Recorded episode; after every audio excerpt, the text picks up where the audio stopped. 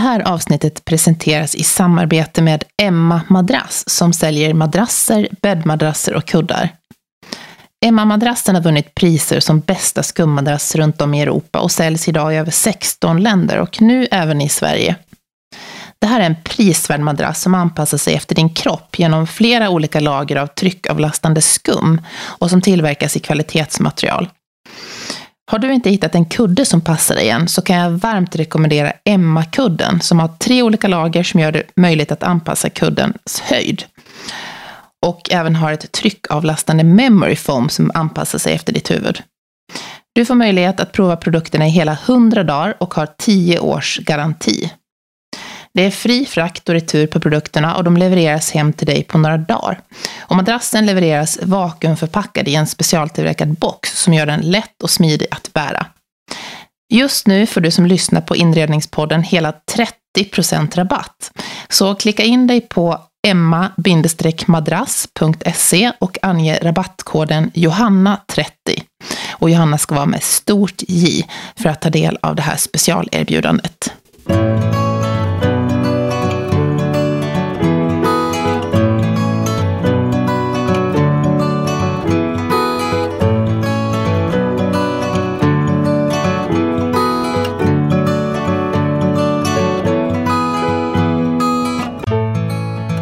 Här avsnittet spelas in i Lissabon där jag träffat veckans gäst som valt att lämna Sverige för att arbeta med fastighetsutveckling i Portugal. Hur skiljer sig bostadsmarknaden mellan länderna? Hur skiljer det sig att bo och leva i Portugal? Om det och mycket annat samtalar jag med veckans gäst. Välkommen till inredningspodden Jack Gustafsson. Tack så mycket. Vi sitter i din och din fru fantastiska lägenhet. Tack. Vi sitter i Lapa i Lissabon och eh, tittar ut på den bron som heter 25 april som är då revolutionens eh, vagga här 1974. Det ser ut lite som Golden Gate-bron nästan. Och såklart så fanns den före den här bron. Ja. Mm. Du har ju en, ett spännande, en spännande karriär. Du jobbar både som fastighetsägare och fastighetsutvecklare. Hur beskriver du dig själv numera? Jag är, vet inte hur spännande det är, men, men jag är entreprenör. Och när man är entreprenör då gör man nästan allting själv. För man oftast har inte råd att anlita någon annan. Och sen har man gjort det i mitt fall då i 30 år. Så blir man ju lite bra på allt möjligt. Hur kom det sig att det blev just Portugal? Vi besökte Havanna, jag och min hustru, i 15 år. Oh. Från och till och försökte tänka oss alla de fastigheter som skulle renoveras. Att det här skulle vi kanske kunna klara. Men det gjorde vi inte. Det var, tog för lång tid, var för svårt. Och Portugal har massa fina fastigheter att renovera. Samtidigt så var det också ett språk som ingen av oss behärskade. Det var ett land där vi inte kände särskilt många. Och det var en nystart. Pratar ni portugisiska nu? Inte ens med bästa vilja i världen ska jag säga att jag pratar portugisiska. Jag klarar mig ganska bra. Jag träffar ju varje dag mycket byggarbetare och olika människor som faktiskt inte pratar engelska, vilket de flesta gör om man är i serviceyrken här. Eh, jag förstår ganska bra, men uttalet är mycket mer komplicerat än spanskan. Det är ju väldigt många, eller väldigt många, det är en stor andel i alla fall, ökande andel som flyttar till Portugal av olika skäl. Eh, är det, hur är det att göra flytten hit? Portugiserna är ju väldigt moderna. Eh, i många avseenden. När vi eh, startade vår lilla firma som driver fastighetsprojekten så får man en garanti som säger att om det tar mer än 15 minuter att starta bolaget slipper man betala. Oj! Eh, självfallet så behöver man bra rådgivning. Som i alla nya miljöer gissar jag.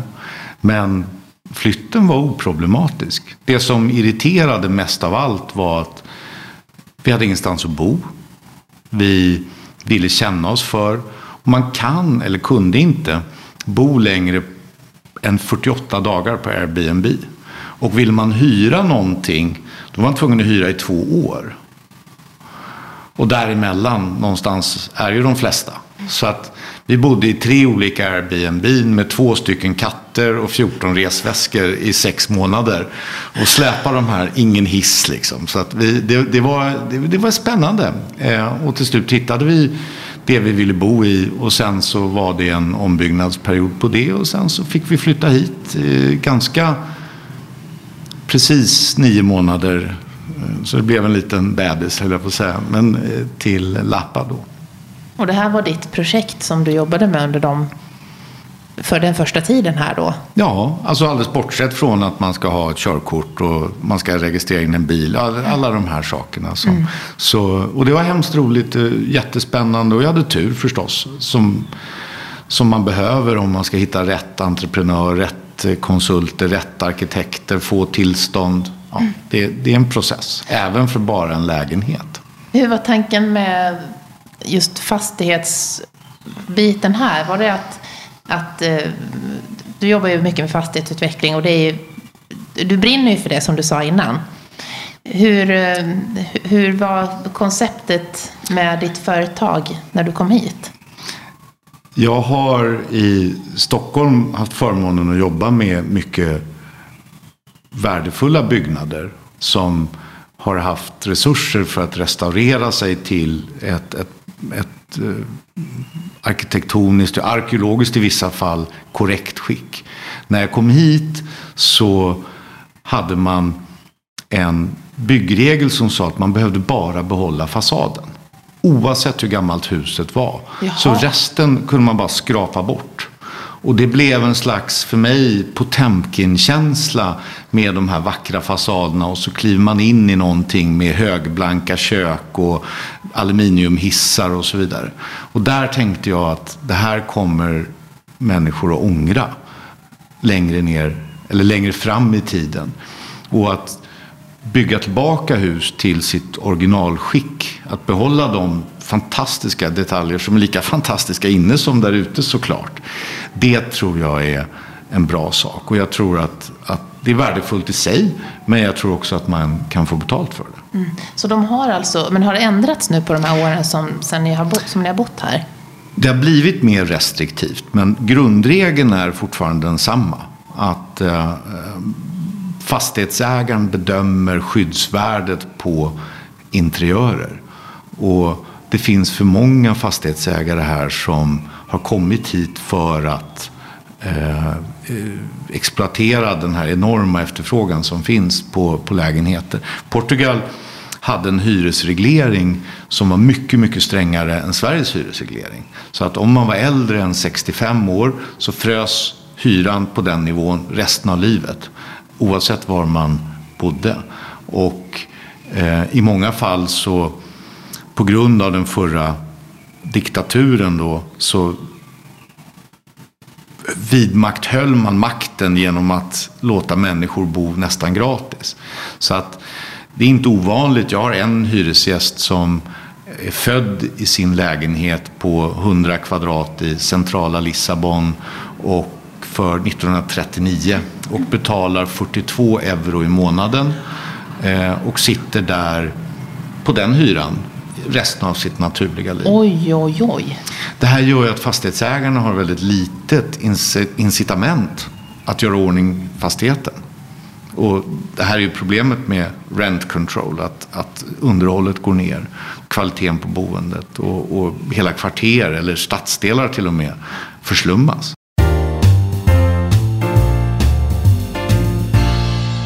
Hur beskriver man hyresmarknaden här i i, i Portugal för, för svenskar som funderar då? Jag tänker kontra bostadsrätt, äganderätt, hyresrätt.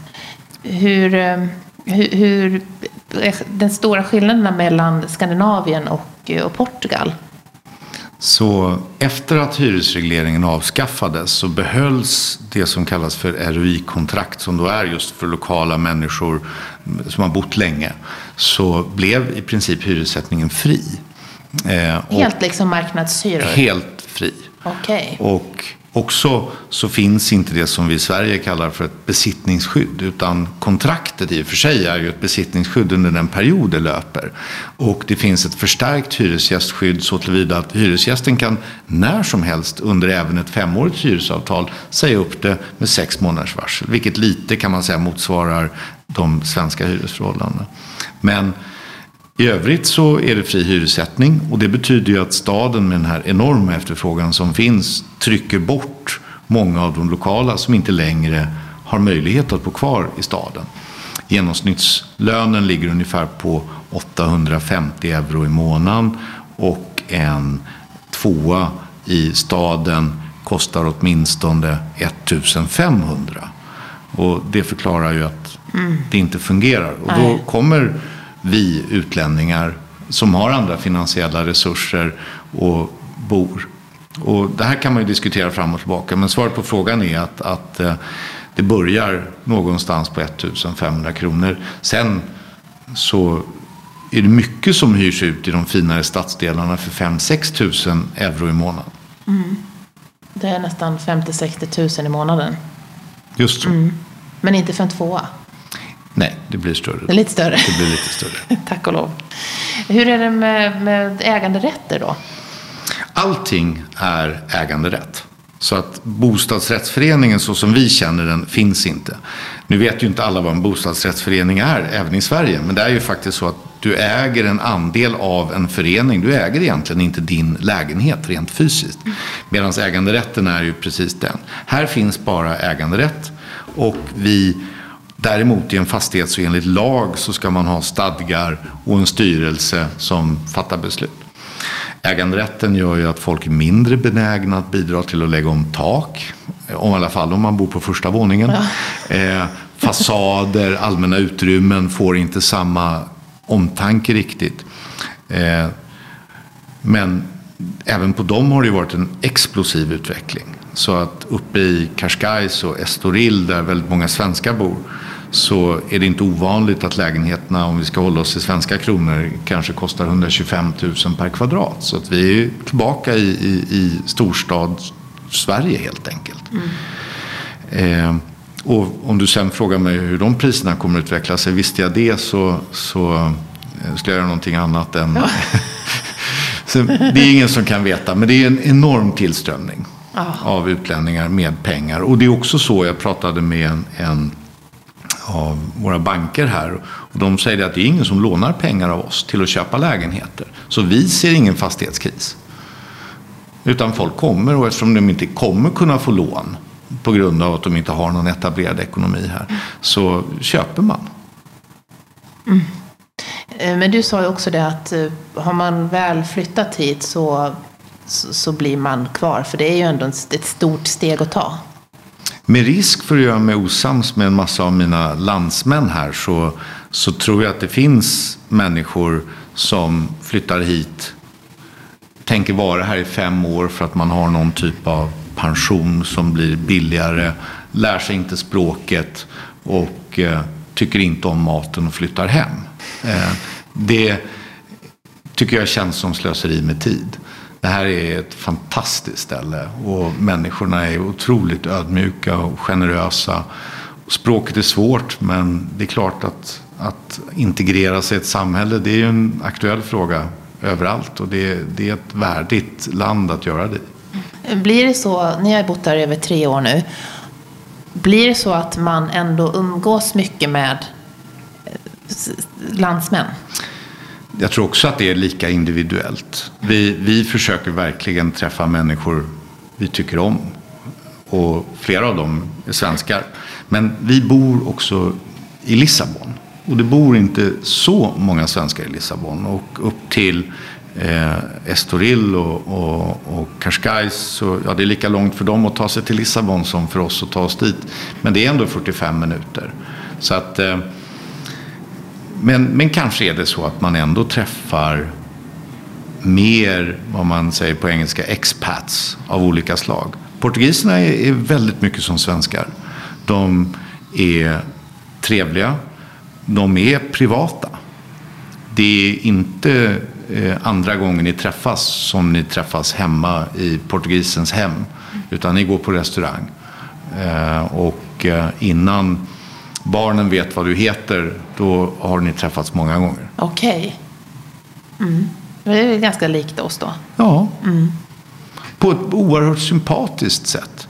Eh, I eh, bokhandlarna i Lissabon en bokhandel kan man ju alltid se vad folk verkligen köper. För de ställer ju inte fram det som folk inte köper. Så är nästan 20 procent av all väggyta är icke översatt portugisisk poesi. Oj. Och försök kliva in på Hedengrens och titta var vi har svensk poesi så är det liksom under trappan en våning ner. Och det är inte särskilt mycket. Nej, häftigt.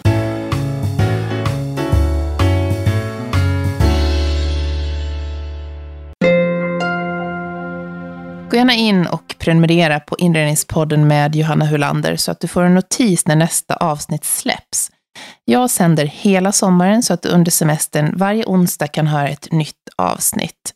Och gillar du Inredningspodden med mig så skriv ett omdöme eller en recension så att flera hittar till Inredningspodden med Johanna Hulander. På inredningspodden.com finns alla avsnitt samlade för olika sätt att lyssna, till exempel Spotify, iTunes eller Acast.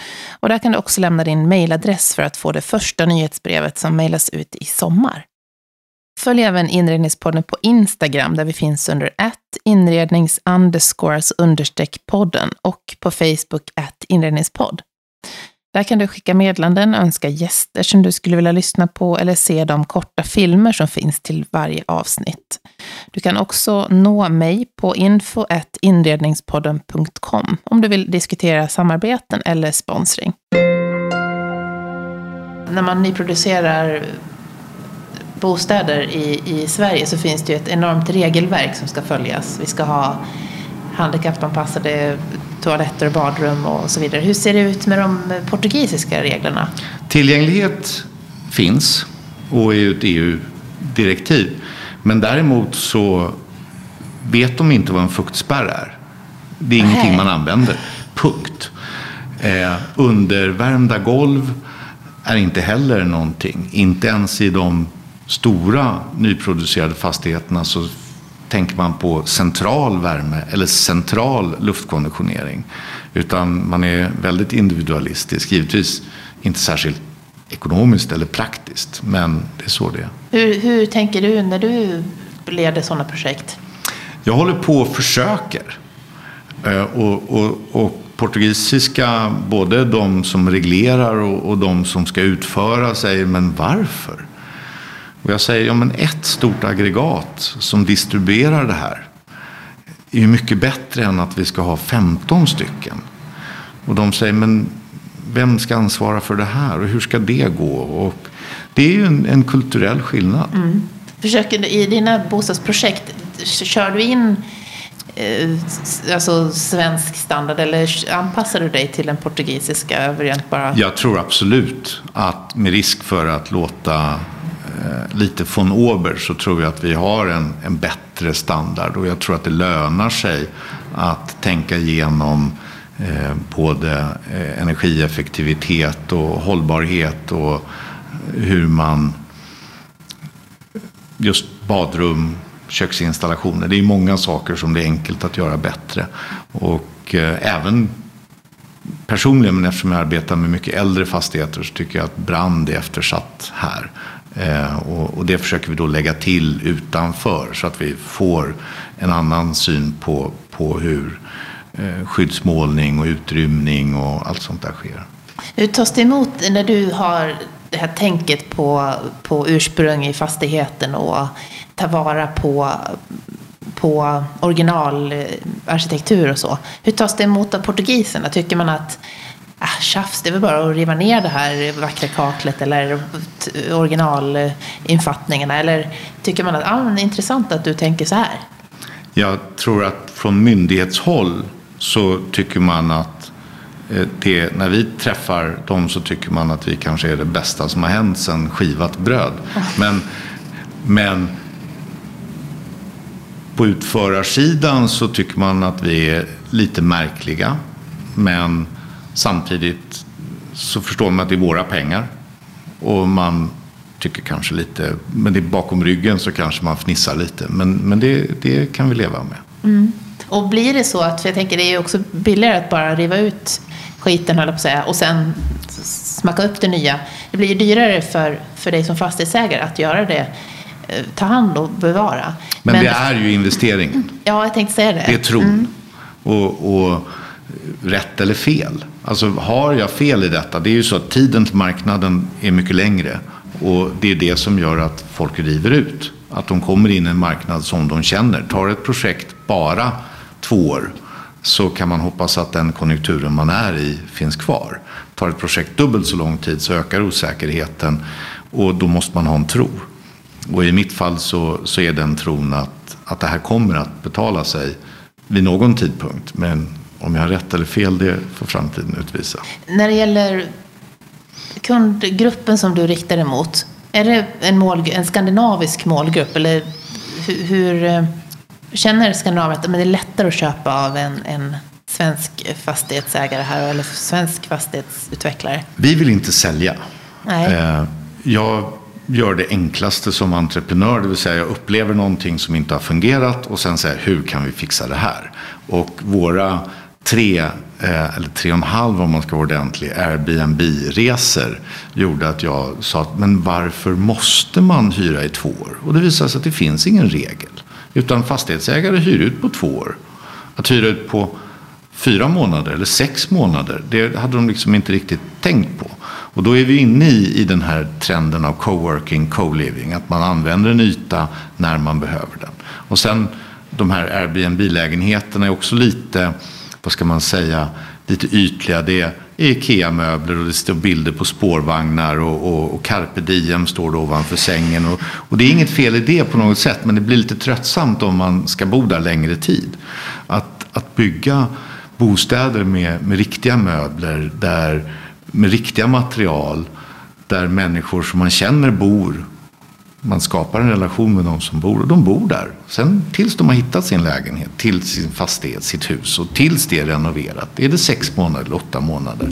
Och sen får det kanske bli lite dyrare. Mm. Men då finns det världens bästa internet. Det finns elektricitet och varmvatten ingår och allting fungerar. Jag tror mm. att det är en bra idé. Så det blir det hyresvärden ja. Eh, som du ser det som eh, framför allt nu? Ja. Mm. Hur ser du, vi pratade innan om det här med cowork eh, vad säger vi på svenska, utrymmen eller lokaler? Ja, alltså jag, jag, tror att man på svenska får man nog säga coworking. Ja. det, ja, men det är ju en explosion. Eh, inte bara här utan överallt i världen. Och, och, här på grund av att vi har så otroligt mycket startups. Vi, vi har ju då The Web Summit som är världens största samling som nu har av IT som sker i september varje år. Nu har vi det tio år till.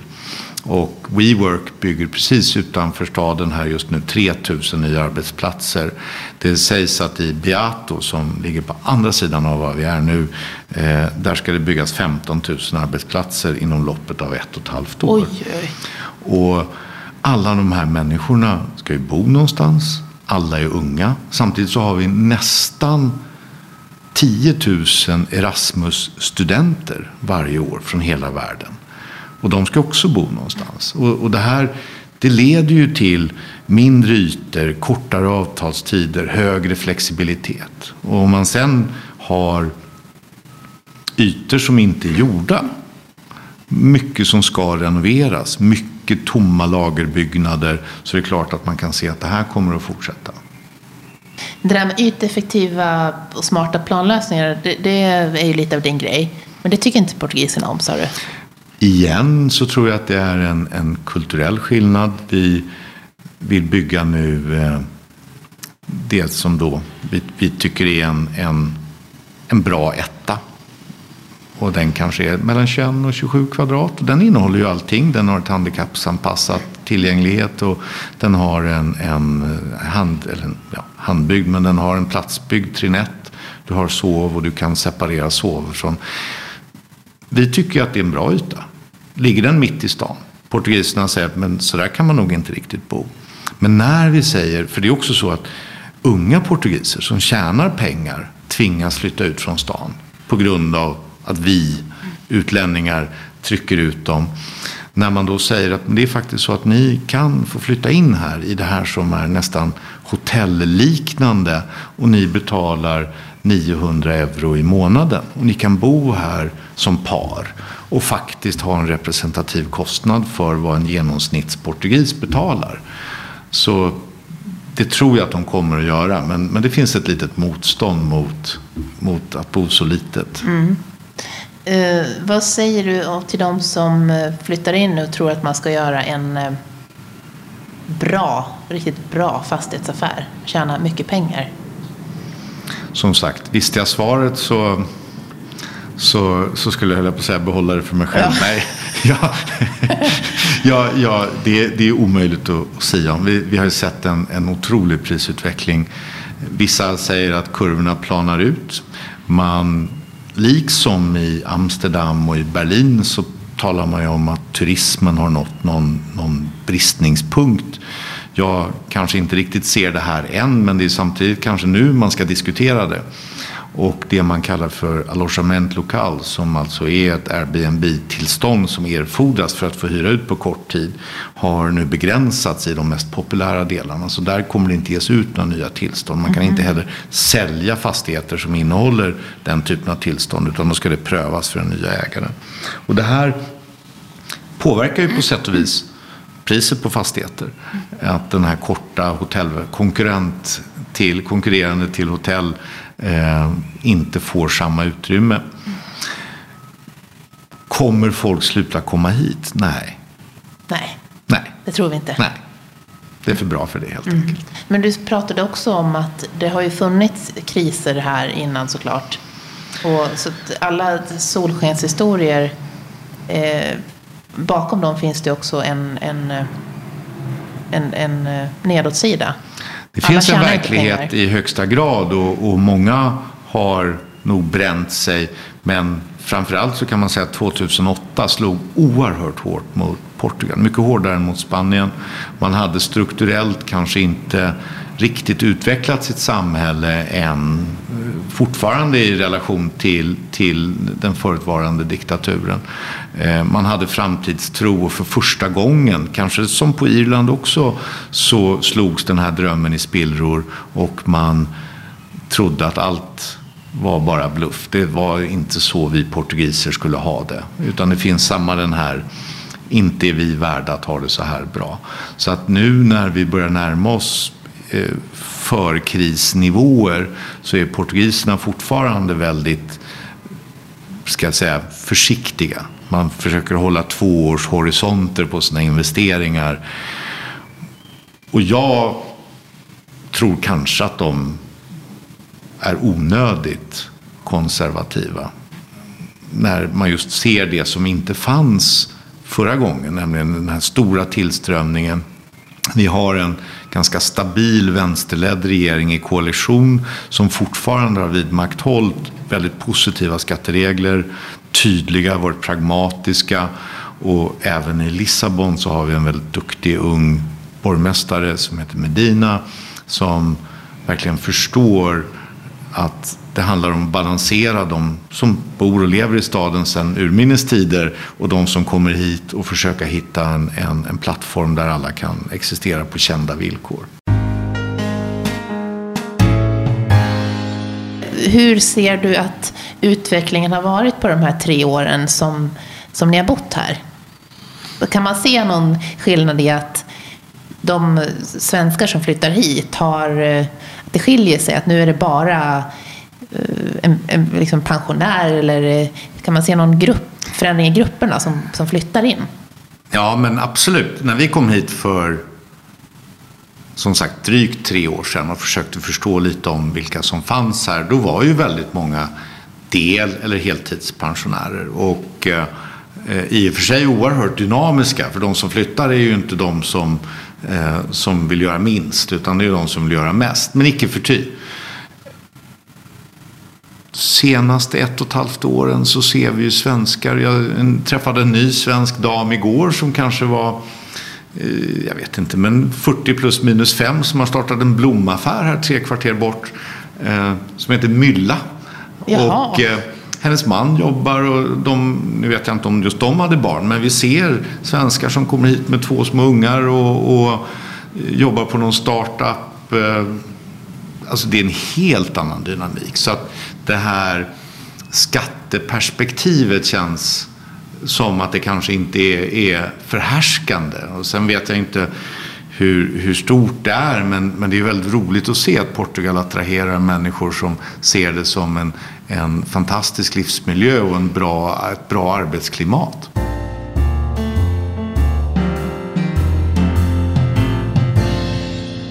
Hur, hur skiljer sig livet, det vardagliga livet här, tycker du, jämfört med när ni bodde i Sverige, för er, person, för er personliga del?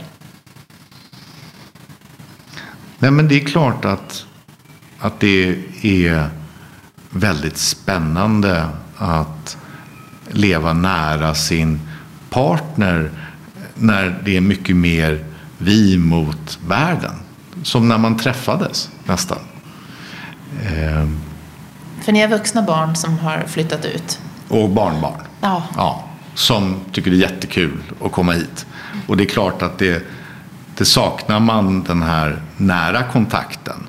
Men jag fick nu av ett barn som var här så fick jag den här lilla fotoramen som står där ja, med sådana digitala foton. Och då tror man att det är en digital fotoram som man stoppar. Det är inte det. Utan barnen postar bilder i realtid som kommer upp på lilla fotoramen. Ja, vad fint. Så tekniken gör liksom att man skypar med sina barnbarn och sen så får man glädjen av att ha dem här på kvalitetstid som man kanske inte får om man, på samma sätt om man, man besöker. Så de bor här och man kan varje morgon kan man leka med, med sin treåriga eh, dotterson på, på, på liksom golvet. Så att, ja, men det, det, det är inte så mycket kanske heller en fråga om livet mellan Stockholm och Portugal. För uppenbarligen så är man ju mer yrkesverksam under den tiden man är, i mitt fall då i Stockholm. Och, och här har man ju tagit någon form av beslut av att försöka trappa av lite. Så det är kanske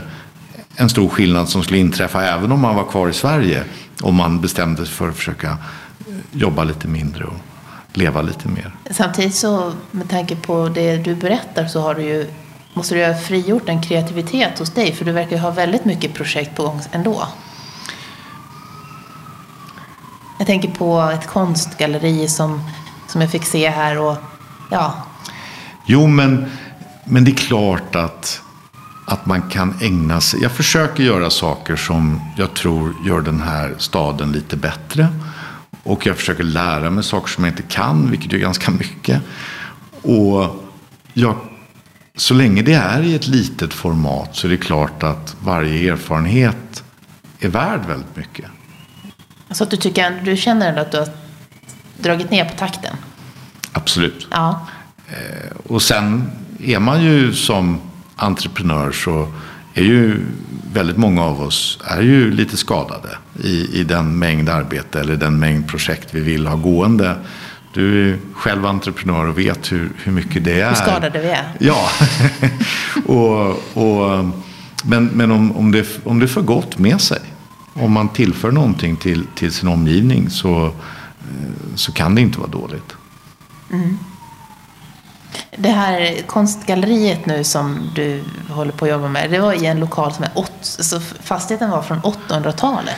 Ja, det här är, vi ska ha invigning om två veckor. Det här heter A-Space.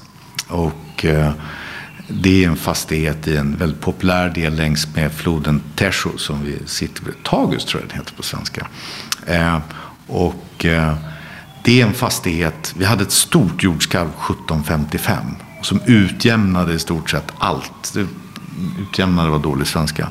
Eh, som jämnade allting med jorden här. Och eh, portugiserna säger att, att hade det inte varit för det här jordskalvet så hade de regerat hela jordgloben. De hade massa kolonier och så vidare.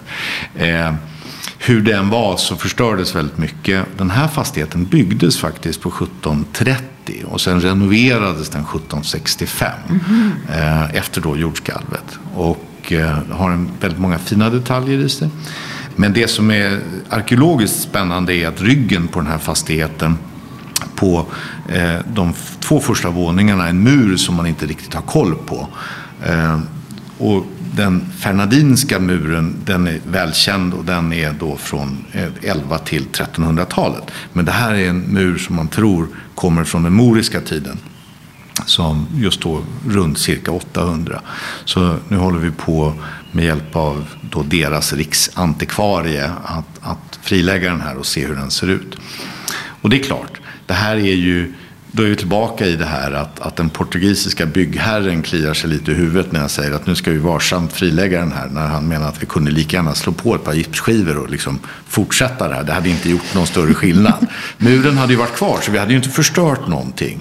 Men, men det är väl kanske den lyxen man kan få unna sig då. Och kanske i mitt fall så handlar det också om att berätta för de som kommer att bo här en historia om det här huset. Och under tiden, så nu när A-Space öppnar, så är det då ett Även om vi driver det kommersiellt så är det non for profit. Vilket betyder att här att det finns ett problem som är i, i Portugal som är att konstmarknaden är inte helt eh, vad ska jag säga, meritokratisk. Så att det handlar lite om det handlar ibland till och med om hudfärg, men det handlar absolut om hur ditt efternamn ser ut och vilken skola du har gått. Mm -hmm. Har du inte vissa parametrar så kommer du inte få ställa ut. Nej men oj. Och det kanske inte bara är i Lissabon som det är så i världen, men i alla fall.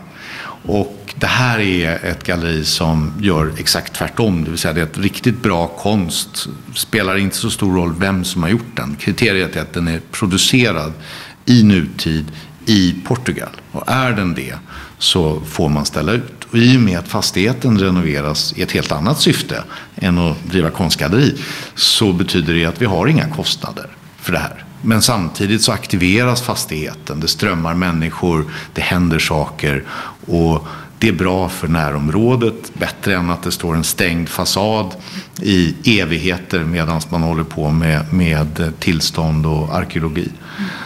Så det är ett enkelt exempel på, på att tillföra, dels att stilla sin nyfikenhet. Jag kan berätta att det är jättesvårt att öppna galleri. Jag hade ingen aning om detta.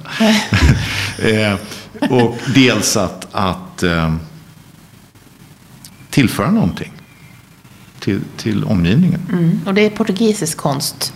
Det ska vara producerat i Producerat. Portugal. Mm. Vi bryr oss inte om din bakgrund, Nej. dina preferenser eller de mer uppenbara kön eller så. Utan det handlar om, om någon slags konstnärlig verkshöjd.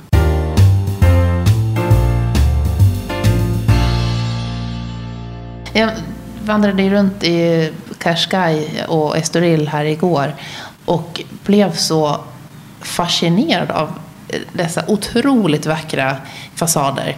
Kakelklädda. Det var, det var, jag var tvungen att kameran gick varm, jag tog så mycket kort. Och sen så är de fullständigt övergivna och nedgångna. Och det är stora trädgårdar som är helt eh, liksom, över, övergivna helt enkelt. Reagerade du på klotter? Nej. Intressant.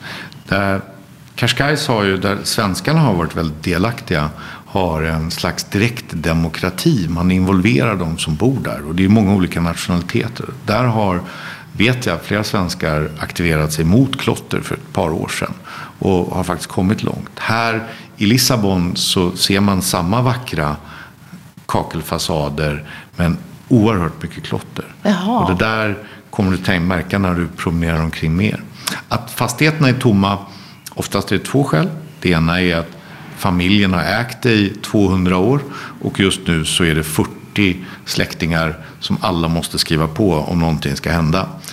Eh, det andra skälet är att många ser marknadens utveckling och inte riktigt tycker att man kanske behöver göra någonting för att vara med i den värdeutvecklingen. Så landbanking. Så man låter huset stå och det är alltid till salu till ett pris som är lite för högt och till slut kommer någon och, och kanske köper det. Mm. Så att du går egentligen och, eller spekulanter går och kollar på de här. Man liksom knackar på och säger hallå, det här ser... Det finns ju en fungerande fastighetsmarknad med mäklare och mm. underhandskontakter och så vidare. Eh, men jag tror att i och med att det är ett så stort inflöde av människor med olika ekonomiska förutsättningar så ser man ju att även objekt som där, där jag har en tydlig åsikt om att priset är eh, väldigt högt. Så kommer någon från någon annan del av världen och har en helt annan syn och köper det glatt för det priset även om de aldrig kommer kunna få tillbaka sina pengar. Så det är svårt att, säga. Det är, inte riktigt lika genomlyst som det är i, i Sverige. Vi har inte den typen av irrationellt eh, lustbetingat köpande. Du, du gillade ju fastigheterna och mm. trädgårdarna. Och, mm. Tänk om du hade obegränsat med pengar att bara komma in och säga att det här ska jag göra i ordning. Ja. Och så bara köpa. Ja. Det är inte för mig eller dig, men, men det är mm. uppenbarligen många här. Vi, 200 eh, meter ner här på gatan bor Madonna. Och, eh, Jaså? Ja, och har vi massa sådana här. John, Mal John Malkovich har en restaurang här nere på stranden. Okej. Okay. Eh, Se, ser man de här extremt, eh, alltså extrema kändisarna här? I, jag är i, inte så bra på dem om jag ska Nej, vara ärlig. Faktiskt. men, men, men, men, men de är också som svenskar i många stycken här. Att, att fasaden behöver inte vara så märkvärdig. Utan det, det, är man väldigt förmögen så manifesterar det sig inte i att man kör Rolls Royce. Eh, också en trevlig egenskap på många sätt. Mm. Jag, jag blev väldigt förtjust i den här just hantverksfasaderna som mm. man ser. Mm. Och lite ledsen då över att de är så, så nedgångna. Det var så pass mycket tyckte jag på, utanför stan här. Och, och som sagt var, det är ju det här uppsvinget vi ser är ju en förhållandevis ny trend. Eller tendens kanske man ska säga. Och igen 2008, ett av våra, där du bor nu uppe vid Sao Bento eller Principe Real, där köpte en amerikan eh, 15 fastigheter belägna runt ett, en park som inte var särskilt välbesökt om man inte var narkotikamissbrukare. Eh, restaurerade dem och släppte in intressanta affärer. Och hela det här området är nu oerhört attraktivt. Och massa internationella eh, både eh, boende och verksamheter av olika slag. Och det, den här gentrifikationen, det tar en stund. Och nu finns det också ett visst politiskt motstånd eh, som jag har respekt för i utsatta delar här där man känner att, att rullväskornas dån på söndagsförmiddagen när det är byte i de här Airbnb-lägenheterna, det, det överskuggar allt. Och spårvagnen, vår kära 28 som går från ena ändan av stan till andra, den åker numera turistbussarna till ändhållplatserna och så fyller de hela spårvagnen med folk. Det kostar ingenting att åka den. Och det betyder att de här äldre damerna och farbröderna som har åkt just och handlat och så vidare, de kommer inte fram eller tillbaka. Okay. det är den här balansen när, när, staden slår tillbaka eller när staden förlorar sin själ. Jag säger inte att det är här eller nu, mm. men jag säger att man har börjat diskutera det och det ska man vara varsam om. Hur ser ditt drömprojekt ut just nu? Är det någonting som du känner att det här, det skulle jag vilja genomföra innan jag lägger av? Eller kommer du att lägga av någon gång? ja, nej men såklart så är, så är ju bevarandet en del. Och eh, det, det fortgår. Eh, en annan del är, är yteffektivitet. Eh, för jag tror att det är ett sätt att få unga människor att kunna lära sig staden. En grupp som jag finns med i ytterkanten av har precis vunnit ett stort projekt in i staden som heter Renda Axiviel som betyder eh, görbar hyra. Och eh, det är ett projekt där tre stora byggföretag eller grupper tävlade om ett innerstadsområde att bygga det genom att lova att ha så låg hyra som möjligt under 30 år. Staden anvisar boende och staden garanterar hyresinkomsterna under den här perioden. Här ville jag att lägenheterna skulle bli mycket mindre än de har blivit. Och här ville jag att unga människor som kanske inte bor i stan och inte kommer in till stan skulle få bo i trancher om tre, fyra år vardera. Nu delar man ut de här lägenheterna via ett lottosystem till människor som har det inkomstspannet som gör dem eh, möjliga för, för att få bo där. Och det, det, det kanske är synd. Jag skulle vilja att, att många fler kunde bo. Och då är svaret mindre ytor som är liksom attraktiva och funktionella. Och då hamnar vi lite i det här igen, skandinaviska. Att man kan faktiskt packa in en massa saker under sängen och man har garderober som, och du, du vet, som yteffektivt mm. eller ytsmart. Så det är ett Jack Gustafsson yteffektivt hus som vi kanske får se framöver? Det vore spännande. Eh, jag blev väldigt fascinerad av ett speciellt rum som ni har här. Du har ju ett helt rum fyllt av keramik. Eller ni har det, men det, det visade sig ja. att det, var, att det var ditt. För din morfar var Gunnar Nylund. Ja, just Morfar var keramiker och, och, och det har ju så att säga i modersmjölken så, så har det ju blivit ett intresse. En av Sveriges mest kända keramiker. Morfar var, var väldigt känd tillsammans med eh, då kanske ja, Stig Lindberg och, och någon till. Eh, Friberg förstås. Men eh, det var en bra tid i, i, i svensk formgivning. Och, och, jag är glad att ha eh, fått börja väldigt tidigt med att försöka samla på mig eh, saker som jag tycker är fina. Ja, det är bland det vackraste samling jag sett så här. Och i, passar ju väldigt bra med i, in i er lägenhet. Tack. Du, um, då, får vi inte, då får vi inte berätta vilken adress det är. Nej, vi berättar absolut inte vad det är för adress. Det går inte att googla jag, jag på det. Jag skämtar med det. Jag tror, att, jag tror att det är ett ganska smalt intresse.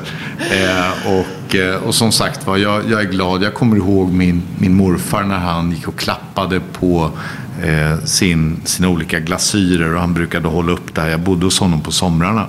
Han brukade hålla upp små föremål och, och gnida dem mot min kind Jaha. för att jag skulle känna liksom kvaliteten på glasyren. Så det är klart, det är, det är, lite, det är en personlig historia. Ärvde du någon av, någonting av hans eh, konstnärliga eh, gåva? Inte ett dugg. Nej. det, det, det, har varit ett stadigt förfall sedan, dess. Och eh, jag, jag är, är jätteglad åt att med som sagt modersmjölken kanske kunna säga vad som är bra eller inte bra. Men därifrån är det väldigt långt till att skapa något som ens skulle vara nämnbart. Okej, okay. ja men då, då, då förstår vi. Det är i alla fall en vacker samling. Tack så hemskt mycket.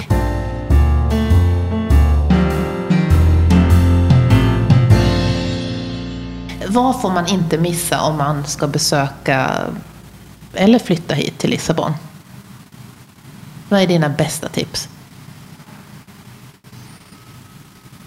Det var svårt. Det, de bästa tipsen står ju oftast i, i guideboken och består av att man ska äta en pastej de nata i beläng eller att man ska åka en viss hiss in i stan. Jag tror att man ska promenera och jag tror man ska ha gummisulor. För det blir väldigt halt på gatorna. Och sen tror jag att man ska försöka sig på 15 000 steg och som i det här fallet ofta blir 30 våningar för det går mycket upp och ner. Och så ska man gå på de gatorna där inte turisterna går. Eh, vilka tips vill du till sist ge den som funderar på att flytta, som känner så här, kanske vi också skulle flytta till Portugal? Nej, men det blir väl rakt från hjärtat. Alltså, jag måste också säga när, när, jag, när jag tidigare var lite kritisk mot de som kom hit för en tid så kan man ju säga att folk har ju väldigt olika levnadsperspektiv. Eh, jag och min kära hustru, vi bestämde oss, jag är 55 år. Eh, och på många sätt så ligger vi kanske då just 8-10 år tidigare än många av de som kommer hit. Och det ska man ha respekt för. Att man, man kanske vill avsluta sitt yrkesliv med att bo någon annanstans under en tid. Och det finns ju väldigt pålitliga och bra både mäklare och banker som, som hjälper till att hitta någonting. Eh, och det finns fantastiska svenska, om man håller sig då till, vår, till vårt land, eh, som fungerar väldigt väl. Både Sveerna och det finns en, en klubb som heter OSS för oss svenskar som talar, för oss som talar svenska översatt. Eh, och eh, jag tror man kan ha fantastiskt trevligt. Skulle jag ändå få säga någonting så skulle jag väl säga att att flytta utan att flytta tillbaka är ju såklart ett större äventyr. Och så tänker ni? Så tänker vi väldigt mycket. Man lägger inte ner den här energin eh, för en begränsad tid. Är det någon som du skulle vilja lyssna på inom inredning, design eller arkitektur? Någon person som du känner att åh, det här skulle få mig att börja lyssna på podd som jag inte gör i dagsläget? Så nu avslöjade du min höga ålder här igen då. Ja. Jag skulle vilja lyssna på en man som heter Peter Ullstad. Som driver ett företag som heter Co-Design. Hans syn på hur människor och miljöer, människor och föremål där människan i allra högsta grad står i första rummet. Det är många som säger det. Men att sen omsätta det i praktiken är inte så lätt. Mm. Intressant. Kanske. Det får tu du se. Tusen tack Jack Gustafsson. Tack så hemskt mycket Johanna. Roligt att få prata ja. med dig.